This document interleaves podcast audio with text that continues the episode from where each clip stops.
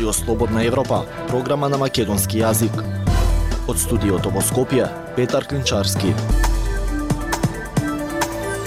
Во денешната емисија објавуваме без обезбедени 80 пратеници, постои можност за одложување на гласањето за уставните измени, вели председателот на собранието Талат Джафери.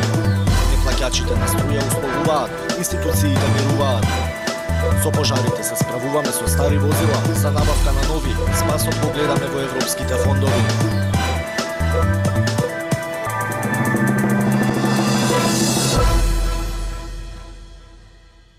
Председателот на Собранието Талат Джафери изјави дека гласањето за уставните измени би можело да се одложи ако не се обезбеди потребното мнозинство од 80 гласа. Лидерот на најголемата опозициска партија Христијан Мицкоски вели дека верува во неговите пратеници дека тие се гарант дека уставните измени нема да поминат.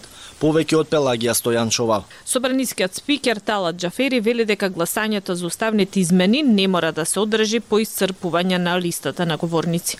На 18 август е закажа на пленарната седница на која треба да се утврди потребата од уставни измени, а за дебата се предвидени 10 дена. Чинот на гласање не е врзано за денот последен.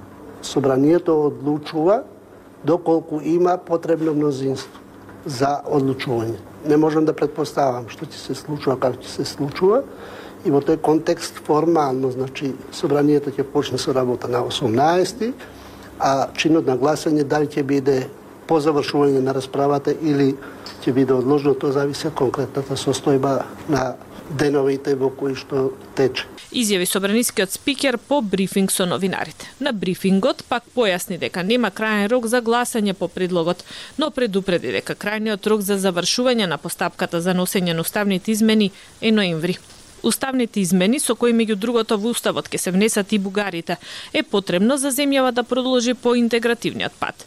Лани во јули Македонија одржа прва меѓувладина конференција со Европската унија, но за да почне да се отвараат преговори по поглавија, треба да заврши процесот со уставните измени. Процедурата почна изминативе денови откако Собраниската комисија за уставни прашања со 10 гласа за и 7 против го поддржа предлогот на владата за пристапување кон измени на уставот. Дебатата во Собраниската комисија можеше да трае 10 дена, но таа заврши за околу 2 часа. Оти во дебатата не се вклучија пратениците од најголемата опозицијска партија ВМРО ДПМН. Да во нивно име, координаторот на партијата Никола Мицевски повтори дека нема да поддржат уставни измени. Но без нивна подршка, владеачкото мнозинство нема да има 80 пратеници, односно двотретинско мнозинство во 120 члени од парламент за да се усвојат измените. Процедурата за уставни измени има три фази. Првата треба да почне на 18 август и тогаш ќе биде потребна двотретинска подршка од најмалку 80 гласа. Ако се случи тоа, процедурата ќе продолжи во следна фаза, која треба да се подготват и усвојат нацрт амандмани. Тогаш се доволни само 61 глас. Двотретинска подршка повторно ќе биде потребна при третото конечно гласање за предлог амандманите. Лидерот на ВМРО ДПМН Христијан Мицковски вели дека им верува на 44-цата пратеници од коалицијата предводена од ВМРО ДПМН дека нема да гласаат за промена на македонскиот устав. И тие се столбот на одбрана на Македонија и на македонските национални интереси. Јас се подпирам на тој столб. Од партијата се настав дека подршка може да дадат само за предвремени парламентарни избори. Но председателот на собранието вели дека ако не се гласа за уставни измени, тоа не е предуслов да се оди на избори. Независни вести и анализи за иднината на Македонија. На Радио Слободна Европа и слободнаевропа.мк.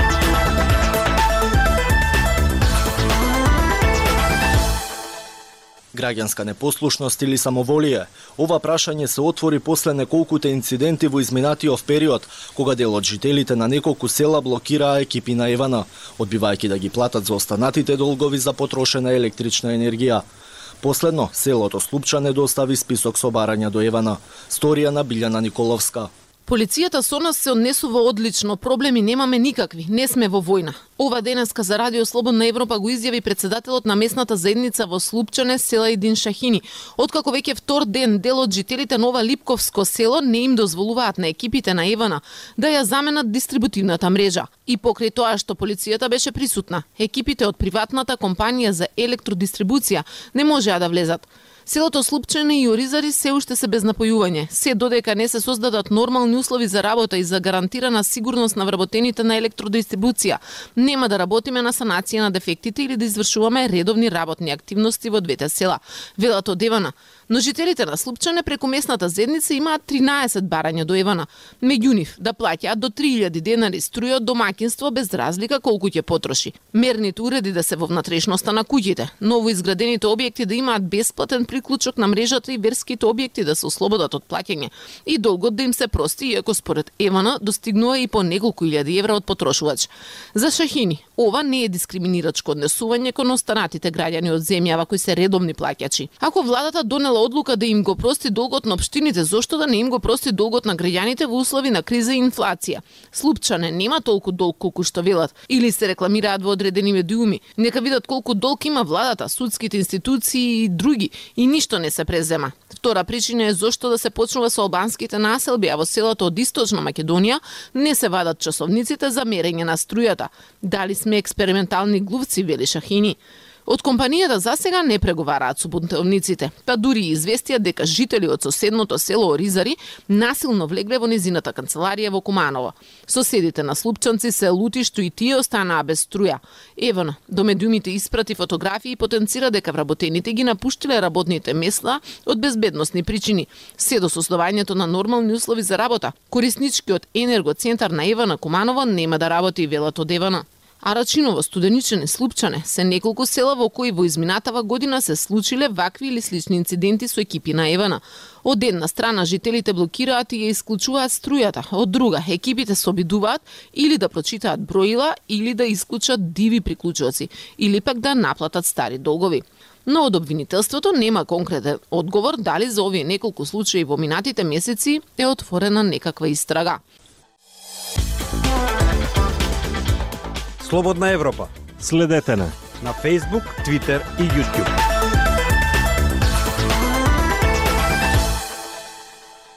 Противпожарните бригади кубурат и со кадари со нова опрема за гасење пожари. Неодамнешното истражување на Центарот за граѓански комуникации покажува дека на ниво на држава недостигаат 340 пожарникари, а возилата што ги користат се стари во просек по 27 години. Пеколните температури околу 40 степен изминатата недела ги донесоа и првите помали пожари во земјава. Гореа запалени стрништа и нискостеблеста шума во Скопје, Куманово и Штип. Против пожарните бригади во два од овие три градови, Скопје и Куманово, работат со помалку од законски предвидениот минимален број на пожарникари. Најмногу пожарникари му недостигаат на Скопје како најголем град во државата, додека во Кумановската бригада има 33 пожарникари помалку отколку што пропишува законот. Според директорот на Центарот за управување со кризи Стојан Чангелов, решавањето на проблемот со вработување во Скопската противпожарна бригада е заглавен во Министерството за финансии. Во Скопје има околу 185 пожарникари, но тие работат во 4 смени. Некои од нив се болни, некои се возрастни, неколку пожарникари имаат над 60 години и не може да доаѓат на работа. И бројот е на вистина мал и алармантен, тие имат поднесено барање до Министерство за финансии за согласно за вработување еве и јавно апелирам до Министерството за финансии да ја забрза процедурата за издавање на согласност за вработување на пожарникари во противпожарната бригада на градот Скопје. Неодамнешното истражување на Центарот за граѓански комуникации објавено во јуни 2023 година покажува дека на ниво на држава недостигаат 340 пожарникари. И тоа во услови кога последниот попис на населението покажа значително помалку жители во земјава, со што се намали и законски потребниот број пожарникари по жител. Во Валандово се наоѓа најстарото противпожарно возило во државата. Станува збор за камионот там, кој датира од 1966 година со старост од 57 години. Најстари возила со просечна старост од 35 до 39 години имаат 4 противпожарни единици. Неславното прво место го зазема противпожарната единица во Старо Нагоричане, која има две возила, просечно стари по 39 години. Потоа следува Кратово со стари возила во просеко 38 години. По 36 години просечна старост имаат возилата во Валандовската противпожарна единица, а возилата на Крива Паланка се просечно стари 35 години. Од 2020 година наваму, регистарот покажува дека се купени или се добиени како донација дури 29 нови возила. Купувањето на противпожарни возила, иако се необходни, сепак се потребни и многу пари, вели директорот на ЦУК Ангелов. Факт е дека се необходни ресурси. Да бидам искрен, како политичар, излезот го гледам во фондовите на Европската Унија. Нам ни треба приближување кон Европската Унија, бидејќи фондовите на Европската Унија ќе ни помогнат во сите области, вклучително и во противпожарната заштита. Ланските пожари во Северна Македонија генерално се гаснеа со помош на други земји, меѓу кои Австрија, Словенија, Романија, Србија, Бугарија, чии пожарникари лично допатуваат да учествуваат во справувањето со огнената стихија до опремувањето на македонските противпожарни бригади, кои кубурат и со кадари со противпожарни возила кои се старији до 60 години, се покриваше со донации од истите држави. Дайте ни 15 минути и ние ќе ви го дадеме светот. Слободна Европа.мк